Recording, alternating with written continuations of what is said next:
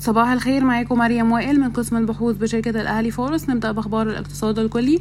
ارتفع التضخم السنوي في الحضر إلى 37.4% على أساس سنوي في أغسطس مقارنة ب 36.5 في شهر يوليو.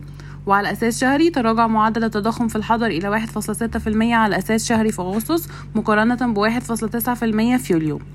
تتطلع وزارة المالية إلى الحصول على قروض جديدة تتراوح قيمتها ما بين 1.5 و 2 مليار دولار بحلول الربع الرابع من عام 2023 سجل صافي الاحتياطات الأجنبية 34 مليار و930 مليون دولار في شهر أغسطس مقارنة ب 34 مليار و880 مليون دولار في يوليو.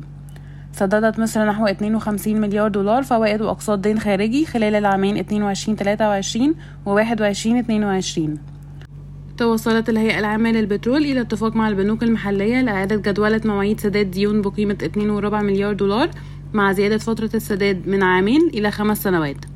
سجلت قناة السويس إيرادات بقيمة مليار و800 مليون دولار خلال شهري يوليو وأغسطس من العام المالي 23-24 انكمش العجز التجاري إلى 2 مليار و320 مليون دولار خلال شهر يونيو انخفاضا نسبته 47.7% نتيجة انخفاض قيمة الواردات.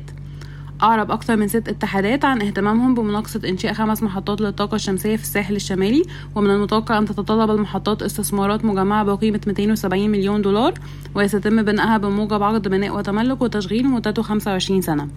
ننتقل لأخبار القطاعات والشركات. تعتزم شركة إي أند ضخ استثمارات بقيمة لا تقل عن 6 مليار جنيه في مصر خلال 2024 وهو رقم مماثل للاستثمارات المرصودة للعام الحالي. أجلت سافولا خطتها لإنتاج منتجات المخابز المتعددة في مصر في مصنعها المستحوذ عليه حديثا من أولي بسبب عدم وجود مرافق في المصنع. ستبدأ شركة فلاي دبي في تسيير رحلات يومية إلى مطار سفنكس الدولي بالقاهرة يوم 28 أكتوبر 2023 شكرا ويوم سعيد.